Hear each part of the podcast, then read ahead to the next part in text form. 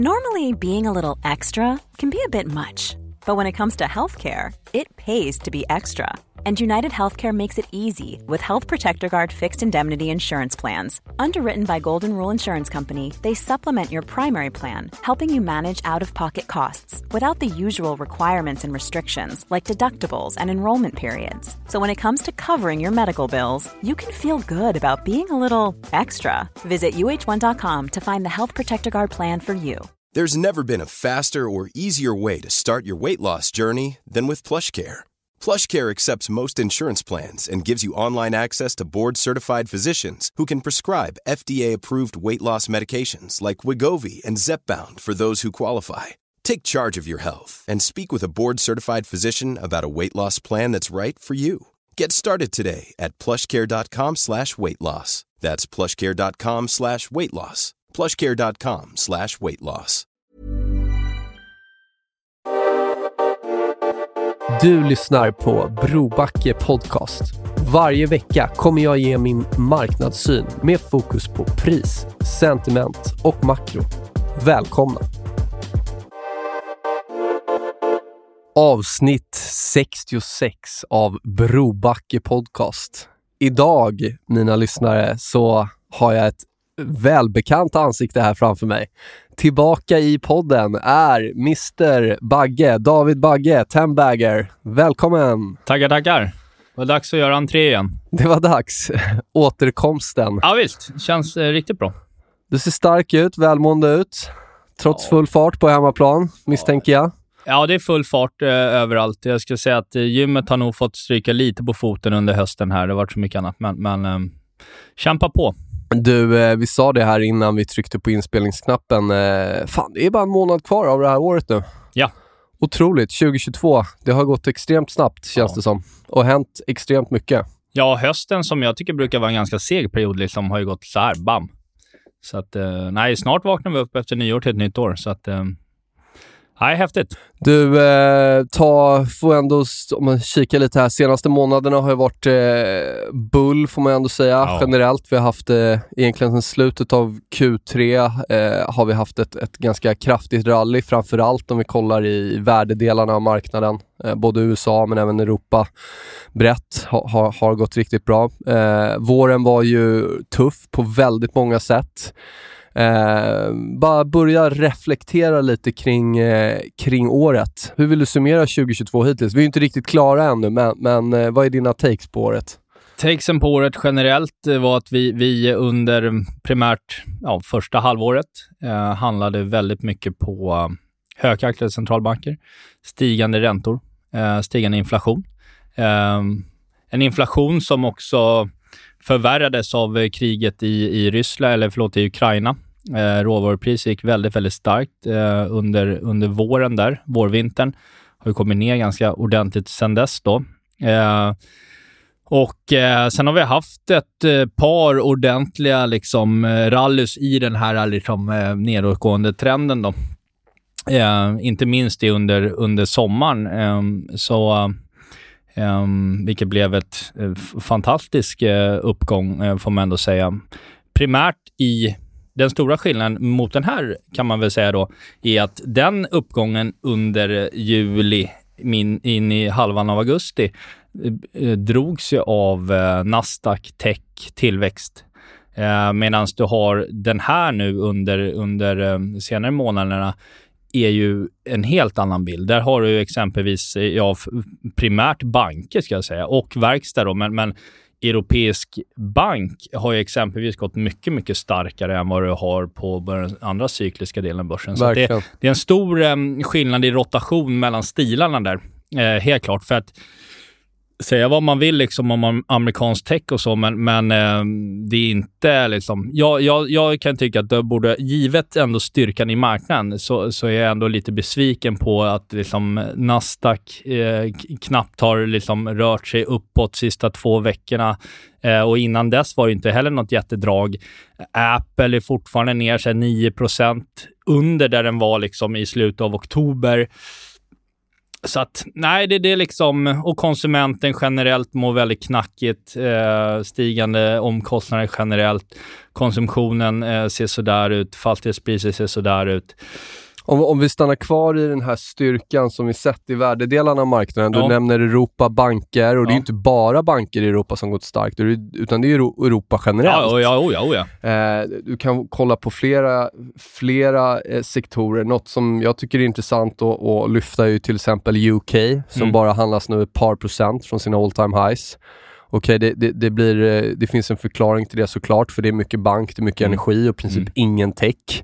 Eh, så vi, Läkemedel. ja, så Mm. vi, har ju, vi har ju en skillnad på marknaden hur det var i våras, där det var egentligen ingenting som funkade utom brun energi och Nej. lång dollar till att snarare ha mer av en stock pickers market den här hösten när, när verkligen de här boomersektorerna har liksom fått, fått fart. Vi kan kolla på hälsovård, vi kan, eh, vi kan kolla på materials och så vidare. Och sen är det de här framförallt eh, tech brett, men det är ju framförallt megacap tech Mm. som, som drar Ja. ner. Ja. Och det ironiska blir då också att det är väl det de flesta äger i och med att passiv förvaltning är vanligt. Man äger breda index, Nasdaq, S&P. Mm. Då får man väldigt mycket av den här eh, exponeringen. Mm. Jag tror mycket av de inflödena som har kommit in också har ju varit då mot de här megacap Mm. tech stocks och Mm. de här breda ETFerna. Eh, eh, så så eh, ma- man får väl också säga att den här, den här frustrationen eh, på marknaden eh, liksom, många har ju inte fått ta del av det som har studsat. Det har ju kanske varit det som har varit minst älskat. Europa var ju ett konsensus att vi absolut var i en recession bara för ett par månader sedan. Ja, Och då har du haft, jag tror jag räknar nu den åttonde positiva, om den här veckan stänger positivt så är det den åttonde veckan i rad på DAX. Det är bara gröna stickor. Ja, det var länge sedan vi såg åtta veckor i rad Ja. i, överhuvudtaget i något index. Och, och, och vad ska vi, kan vi läsa in något i det, den här, ändå den här enorma relativa styrkan i, i, i värdedelarna av marknaden? Ja, nu, nu, vill inte jag liksom eh, eh, sitta här och, och, och, och bäsa när du låter så glad. Men, men, nej, men jag, jag, jag, jag lever ju i tron att vi... Eh, jag menar, både du och jag såg ju framför oss ett väldigt fint Q4-rally. Eh, och eh, vad gäller liksom OMX, DAX, Stocks 50 eh, har det levererat mer än vad jag trodde. Jag trodde vi skulle gå upp till augusti-topparna och nu är vi ju däröver.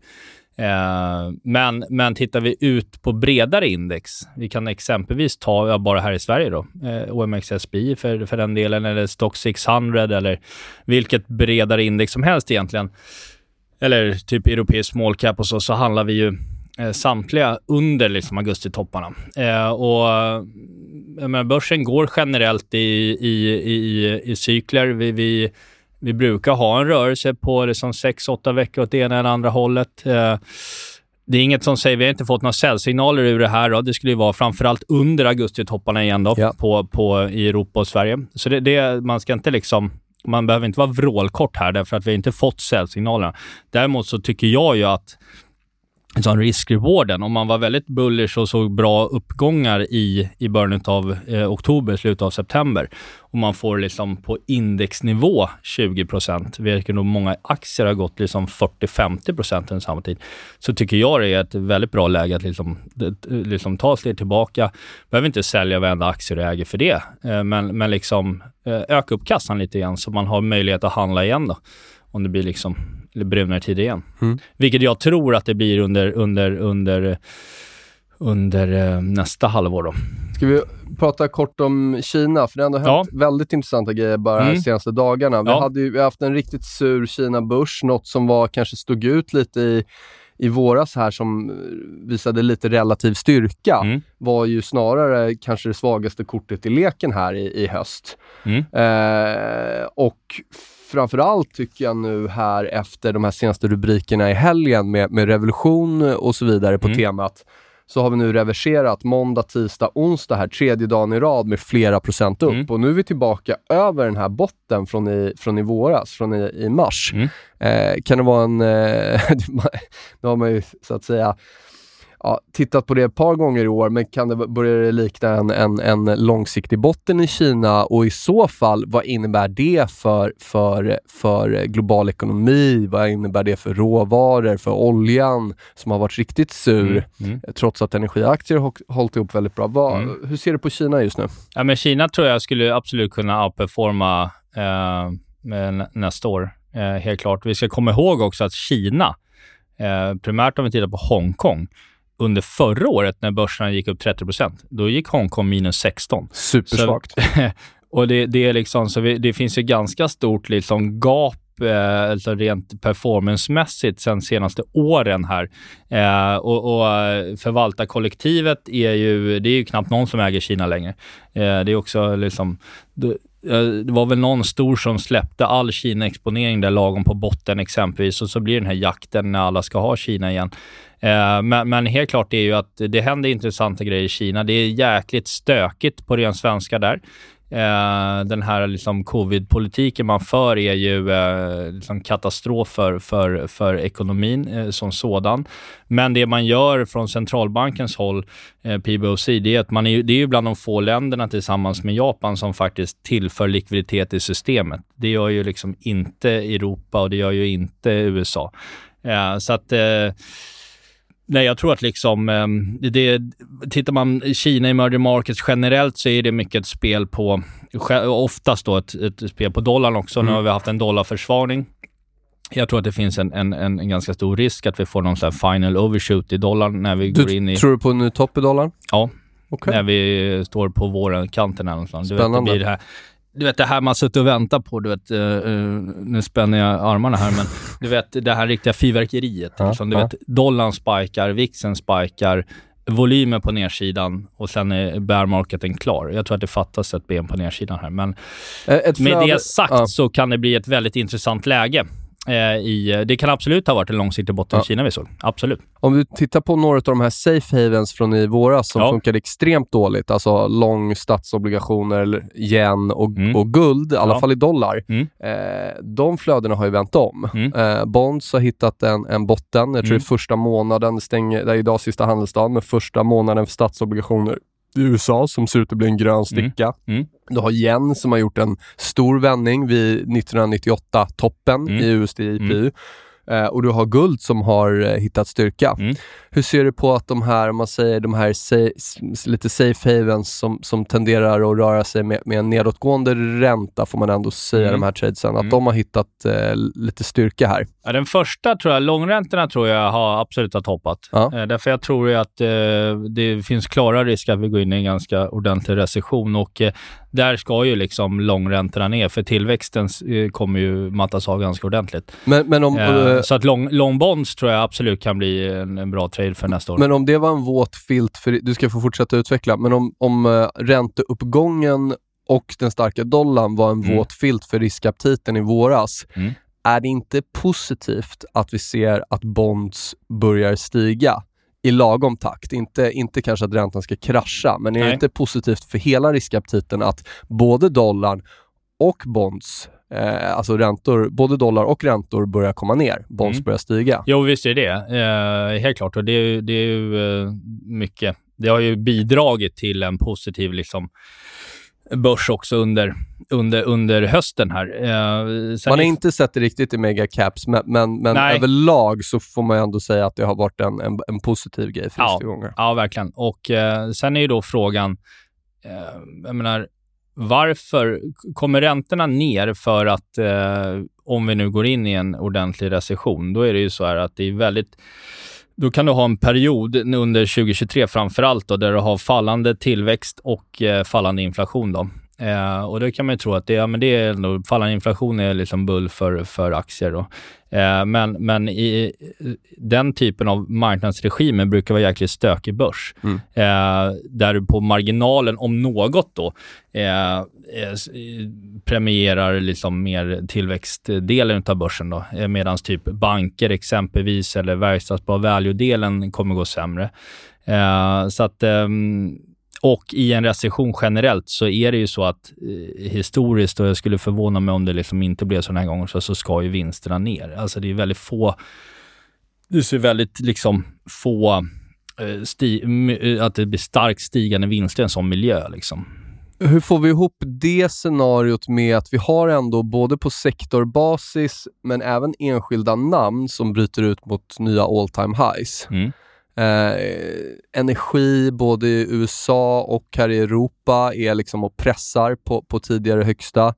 Mm. Banker som vi nämner har gått starkt både i Europa även i USA. Mm. Eh, eh, vi har namn inom hälsovård som bryter upp mot nya all time highs. Mm. Så det, det, finns ändå de här liksom tydliga, eh, ja vi pratade om UK innan Mm, som bara är mm, ett par mm, procent mm. därifrån. Mm. Eh, borde det se ut så om vi är på väg in i den här globala recessionen som ändå är någon typ av i princip konsensus ändå? Ja, men jag tror också att det, folk eh, började positionera sig för en sån alldeles för tidigt. Ja. Eh, Det är också lite därför vi har kunnat fått ett ordentligt, liksom, ordentligt rally här Ja. under hösten. Därför att när vi gick in i, i, under september, där, när börserna föll 20 från, från augusti till september Mm. under sex veckor, då var ju folk vrål negativa. Så är det. Ehm, och sen då helt plötsligt börjar börsen vända runt eh, och eh, vilket gör att alla måste ju då, vill man inte se ut som en riktigt fån, så måste man ju köpa allokering då inför nyår och sådär. Ehm, så att... eh, Och du hade ju också säsongsmönstren där. Det var Ja, ju ja, både oh ja. det här eh, Jom Kippur, det vanliga, och det vanliga säsongsmönstret. Du hade ju presidentcyklerna och du hade tioårscykler. Och alla exakt. de linade upp för slutet av Q3. Ja. Grejen med det är att det har ju, verkl- det har ju verkligen spelat ut. Problem, eller problemet, det, det positiva om man är bullish är att det där säsongseffekten brukar ju hålla i sig betydligt längre än två månader. Det Mm. brukar ju Mm. vara ett säsongsmönster som spelar ut nästan under ett år. Ja. Sen kan man ju då säga, om man tar magnituden i det då, det Och, och sen är aktier en vintersport brukar du Eh, säga. Så ja, att, exakt. Det är det också. Eh, Och den vintern har ju knappt börjat. Nej. Eh, så att, eh, men nej, men jag, tror, jag tror liksom inte att december är någon form at risk här. Jag tror inte att vi står inför en december som 2018 exempelvis. då. nej, det- Det, det, det, skulle det, det, det, det kan ske om Powell ska ut och prata ikväll då. Eh, det är väl efter den här podden, podden släpps då, men och sen då Fed-möte, skulle de vara riktigt håker så liksom inte... Marknaden tror man ska göra 50 punkter i december liksom. Eh, och sen dra av på takten eh, under för nästa. där har det blivit besvikelser typ varje gång han har Ja. pratat. Vad, hur, vad är din känsla inför det här? men tror du min- att han kommer att och liksom, eh, knäcka marknaden lite? Och op- Ja, det tror jag. Ja, det tror jag. Det, det, det, sen är själva Fed-mötet, eh, liksom, det är ju väldigt välhedgat, för det är Mm. två veckor innan liksom, fondavstämningarna vid nyår. Ja. Så det ligger ju väldigt, väldigt mycket säljoptioner där vid, vid lösen i 16 december och har ju legat hela året. Ja. Eh, så att det, det gör ju också att många de går till lösen sen och där, det gör ju också att du sedvanligt brukar få det här rallyt sen efter 16 december in i nyår. Eh, men innan det skulle det kunna stöka till sig för att financial conditions har ju förbättrats avsevärt i marknaden.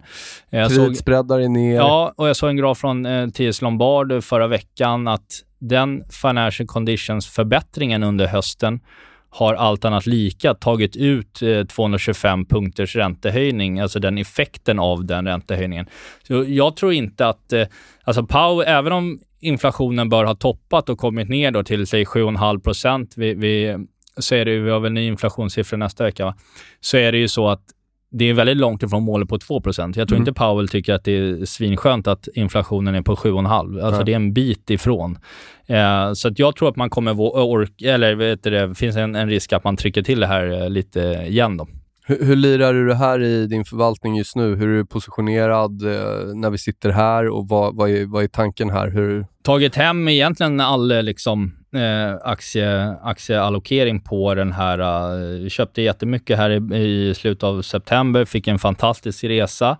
Eh, vi eh, har kvar och har köpt mer eh, corporate bonds. ja. Jag tycker den, den liksom riskprofilen är attraktivare än aktier. Mm. Ehm, det, har, och då har vi, det vi har köpt på senare veckor, det är väl framförallt då senior fastighetsskuld. Ehm, Är det Norden ni tittar på eller? Ja, framförallt Ja. Norden. Och ska man ta något enskilt namn bara för att förstå lite hur vi tänker där, så om du tar ett SBB till exempel. Det tycker ju folk, ja men det känns läskigt liksom, Mm. eh, generellt. va. Eh, och, men sitter du på den seniora skulden högst upp i tillgångskedjan, vill säga, så är det ju så att för att förlora pengar på den, den handlar på pris typ 60 utav 100. Um, och allt annat lika ska den ju då lösas på 100 2026. Då. Hur lång löptid är det på det? Ja, det är då till 26, så det är fyra år. Ja. Um, och den på pris 60 så, så implicerar den att fastighetsvärdena måste ner 55% innan du ska förlora pengar på den. Och det kan man säga, går fastigheten ner 55% generellt, då kommer det finnas andra problem i svensk ekonomi också för den delen. Då. Men för att i, sitter du på seniorskuld, då ska ju eh, först då, eftersom du sitter bäst till på tillgångssidan, så ska ju först ska ju aktien eh, bli nollad. Eh, alla aktieägare borta, eh, wipade helt och hållet. Sen ska ju då den här hybridkapital och så wipas, bli nollat. Och sen då ska du börja nagga av den seniora skulden. Och det är ju den seniora skuldägarna som de facto, om det nu skulle bli så riktigt illa, är ju de som kommer äga fastigheten i slutändan också. Så att det finns ju en helt annan, alltså riskprofilen är ju, och det, eh, köper du på, på pris 60 som egentligen borde lösas på 100 om, om fyra år, så har du en väldigt fin årlig av... Du har inte så hög kupong på den, men, men rent bara liksom kursmässigt så ligger det ju typ en, ja, det är typ 15-16% per år. Då. Mm. Så det är lite så vi, vi, vi tänker. Och, eh, Derivatboken, är ni nå, blankar ni någonting inför beskeden eller? Eh, nej, eller men det, vi, det vi, eftersom att eh, jag har sålt in att jag tror att Q1 eh, framförallt då i början, mitten av januari fram till liksom mars-april kan bli en sur period, så har vi gjort så har vi köpt säljoptioner med lösen i typ så april, maj, juni. Ja. Eh, mer eller mindre kraschputtar kan man säga. Ja. OMX 1800, det är dubbelbotten. Det var snyggt OMX tycker jag. S&P 3400 eh, och DAX eh, 13 000. Det är de vi har på. Då. Eh, så att vi, vi väljer liksom att... Har vi helt fel, att det liksom, nej men börsen drar bara vidare. Ja. Då kommer liksom eh, Bondboken då eh, som nu är, ja vad kan det vara? Så att vi har 30 cash, eh, 35% cash, 65 bond. Mm. Så kommer den ju, om man har man helt fel att konjunktur, det bara löser sig alltihopa, så kommer den ju kommande två åren gilda typ 14-15% per år. Ja. Liksom. Vilket är en fantastiskt generellt bra avkastning. Liksom. Absolut. Eh, och sen kommer ju inte, jag, jag sitter ju inte, jag, jag sitter inte utan aktier i två år. Liksom. Jag, har man fel så köper man in sig igen, sen det är inte det. Men, men jag tror att det finns en riskfönster här, eh, efter det här rallyt tror jag det finns en riskfönster efter, efter nyår.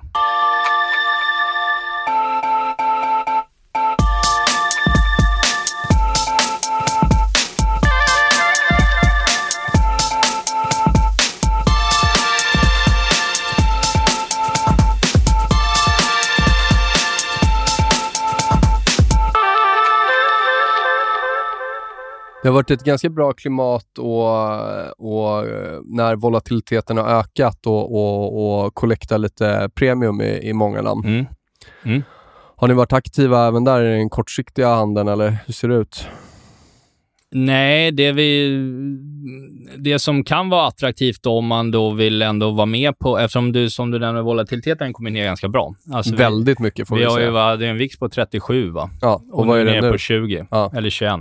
Vi, uh, alltså volatilitet minrevertar kan vi lugnt säga. Ja. Och tillgångsklasser trendar.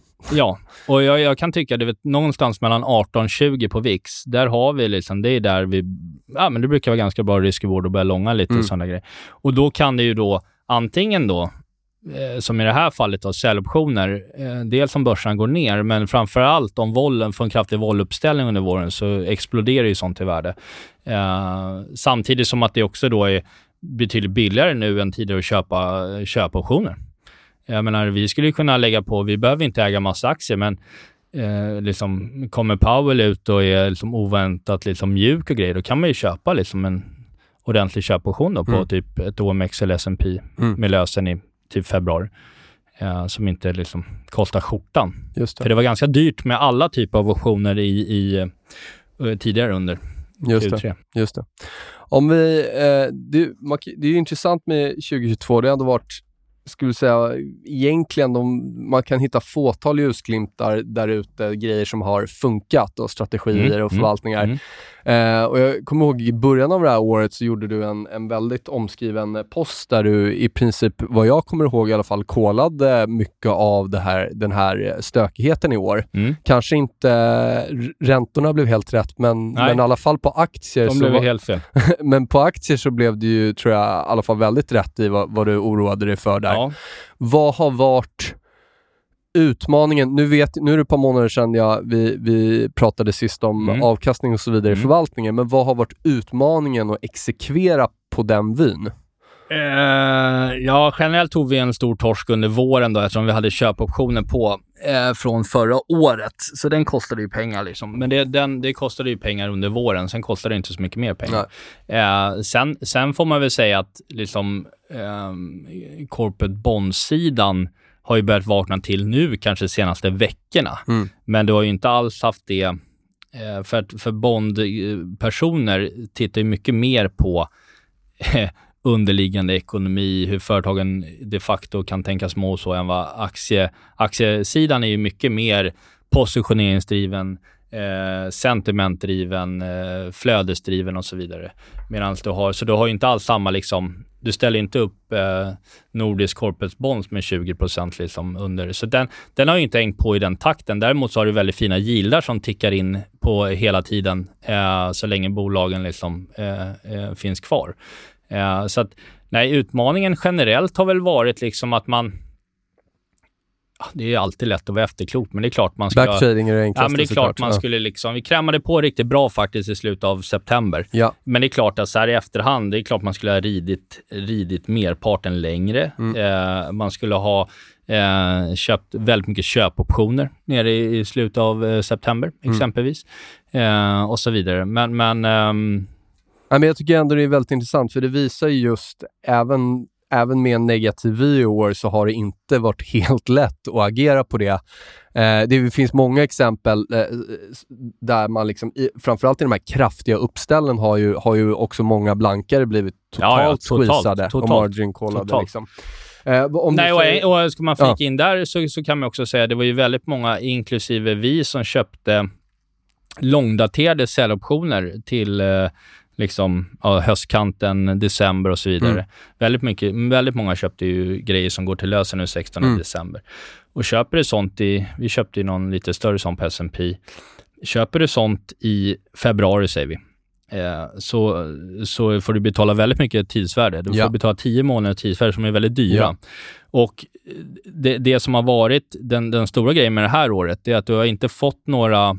Alltså volatiliteten har inte spikat så pass att det har blivit någon riktig panik i marknaden. Det har liksom inte dragit upp till 50-60 på VIXen eh, så att du fått betalt ordentligt för Nej, de här. nej. Utan det har liksom gått upp till 37 och kommit ner igen.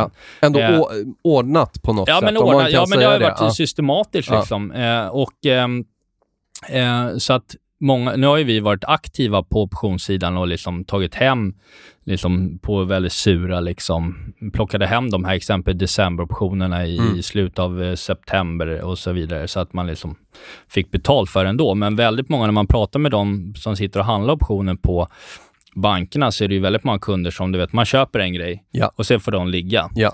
Vilket gör att, jag menar de som betalade upp ordentligt för en massa säljoptioner i början på året, det har ju brunnit upp egentligen. Stämmer, Under, stämmer. under, så det, den typ av hedge Mm. har ju inte fungerat Nej. i år då.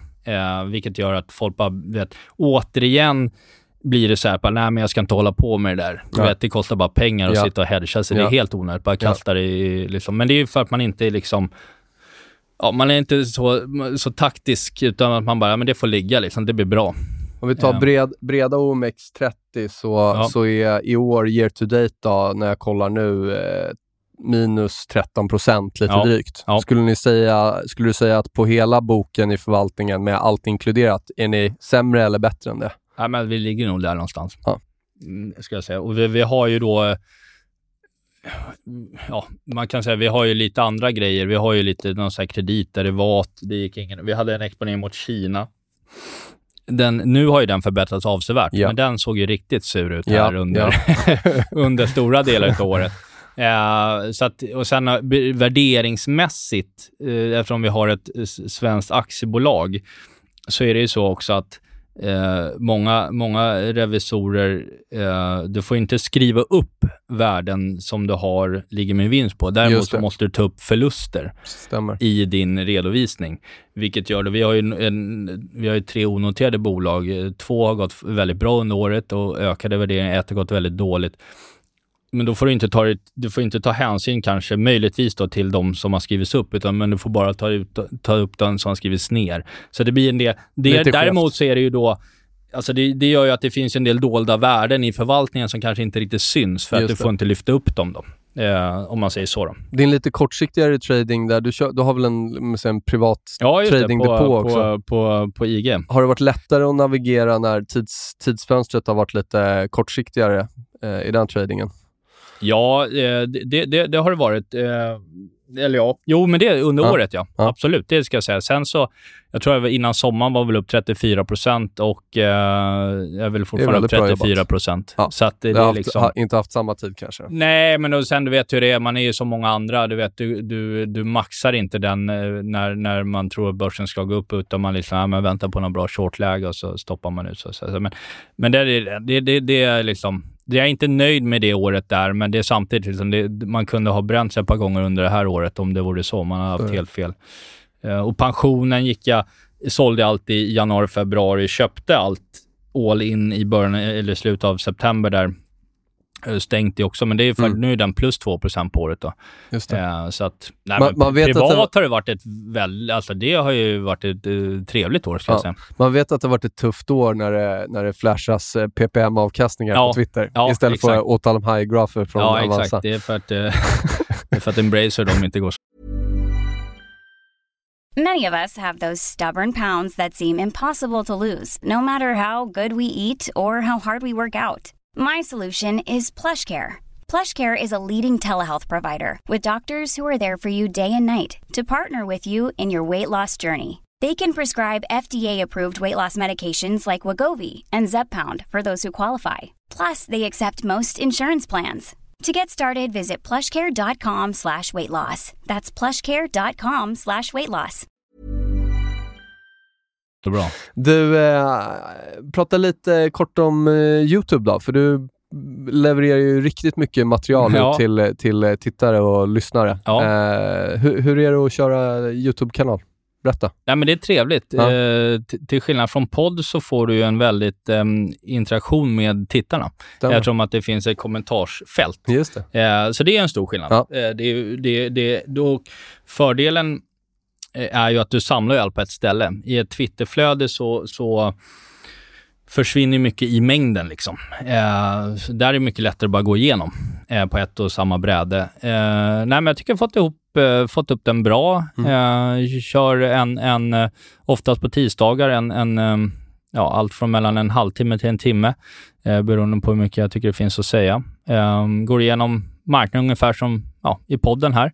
Eh, och eh, visa på lite andra liksom, bilder och funderingar utifrån bankerna på stan och internationellt.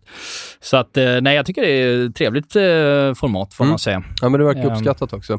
Sen så ska man vara helt ärlig så hade jag haft mer tid, liksom, har man inte två barn och jobbar i alltihopa, då kunde man ju lagt tid på redigering, snygga till grejer och sådär. Ja, ja. Det här blir ju väldigt liksom, du vet, det är det.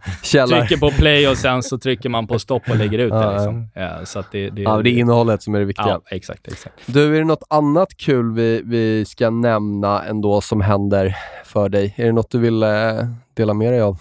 Nej, det, väl, det rullar på liksom generellt. Ja. Eh, det, det har varit ett eh, utmanande år för de flesta. Eh, jag tycker att eh, eh, även om liksom mycket av vyerna som man hade i, liksom under större delen av året, de här liksom, rallyna, nedgångarna och så här, så tycker jag liksom att det, det man, man, återigen så är det, det, det är svårt, när, det är lättare att sitta privat och verkligen få liksom full hävstång i, i sin vy, ja. än att sitta i en, i en liksom större förvaltning med olika delar. Mm. Eh, Um, det blir man återigen på, men däremot så blir en sån förvaltning då stabilare oftast. Uh, för att det liksom tickar in räntor här och där och sådär. Uh, så att, men men, men, uh, nej, men jag, jag, kan tycka liksom att vi, vi, vi borde ha gjort det bättre. Jag är liksom inte nöjd med året så. Det, det, inte, inte förvaltningsmässigt. däremot så då Eh,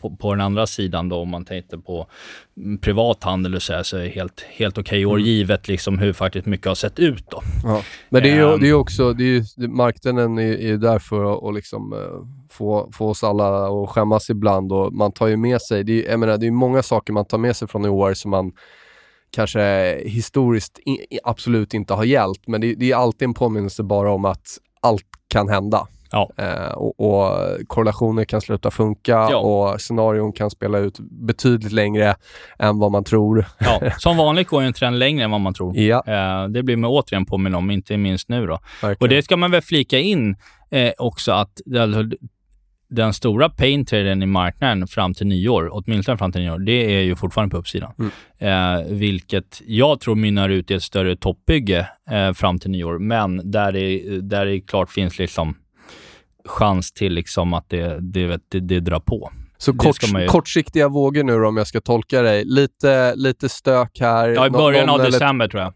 Det kan sen, bli lite stökigt. Sen en stark uppgång i december för att toppa ur i slutet av året för att få en, en riktig blowout i, i, börja, i någon gång i Q1. Ja, och där vill, du, där vill du vara köpare. Ja, det ska jag säga. Jag tror eh, då, jag menar, då har vi hållit på med den här bear market. Om vi säger att den började 4 januari, i toppen då i år. Ja, i, det, längst ut på riskskalan var ju ja, februari var ju, 2021. Ja, det var ju länge sedan. Ja. Men, men även på, på breda index då, då, då har vi hållit på med det i typ så 14 månader.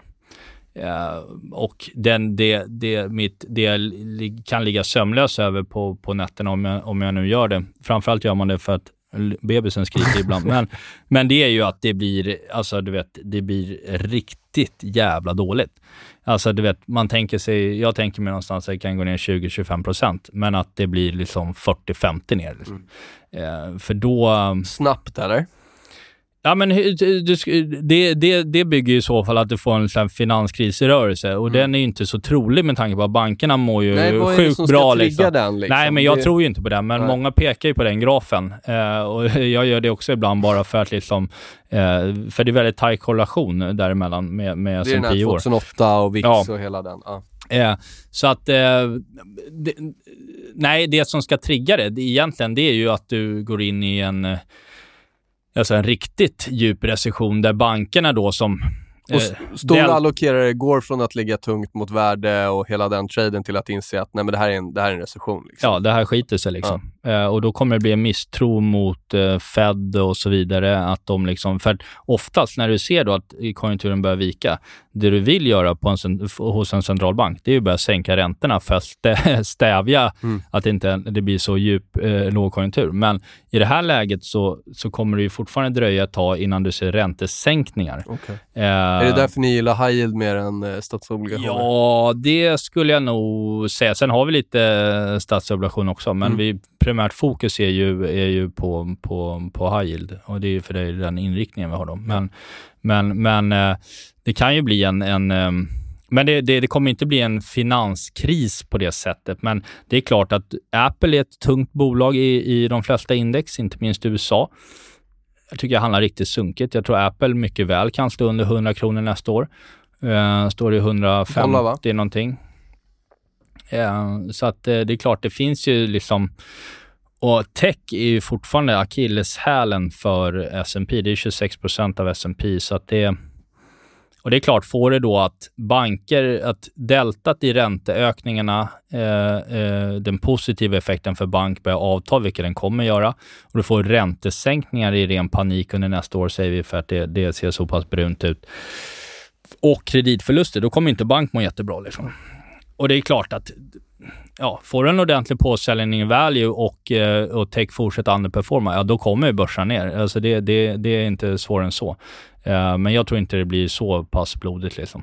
För folk har snackat om, det är en väldigt välkrattad recession. Det man snackat om sedan förra året liksom. Ja, det var länge sedan jag eh, kan komma ihåg att så många pratade om och var så säkra på att, det var, att vi är i ett bear market rally. Ja.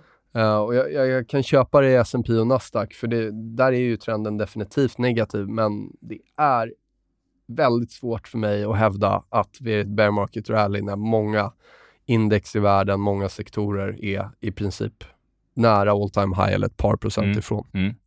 Ja, det är möjligt att du vet de här uh, mer riktiga, riktiga fri, fräsarna på Twitter som du vet, ja men S&P liksom ska till 6000 och sådär och mm. sen ska den ner till 2000. Vilket eh, man kan ju hoppas att det inte blir så, för det blir jävligt stökigt. Men, men, men det, det är möjligt att du vet, det, man, man har fel i det här, att det liksom, det trummar på och att alla som nu, liksom jag själv då, är skeptisk till det här rallyt, känner att bara, äh, vi måste ha risk.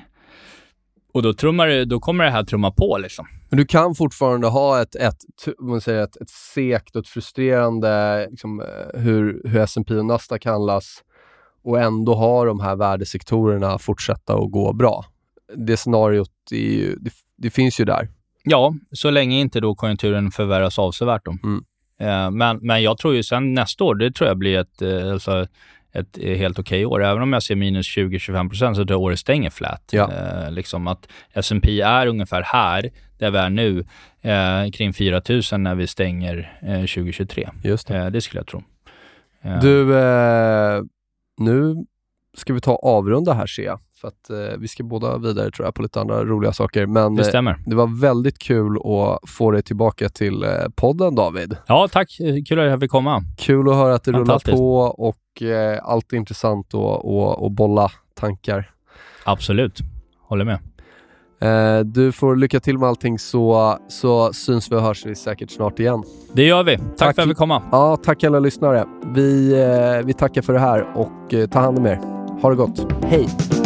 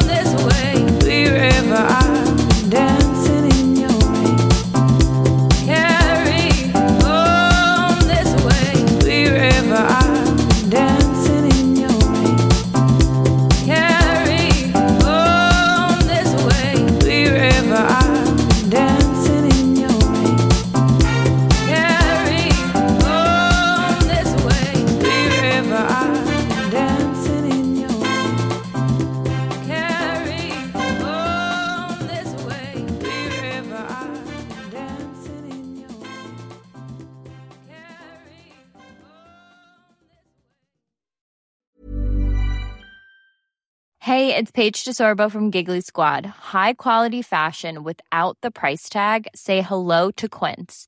I'm snagging high-end essentials like cozy cashmere sweaters, sleek leather jackets, fine jewelry, and so much more. With Quince being 50 to 80% less than similar brands. And they partner with factories that prioritize safe, ethical, and responsible manufacturing. I love that. Luxury quality within reach. Go to quince.com slash style to get free shipping and 365 day returns on your next order. Quince.com slash style.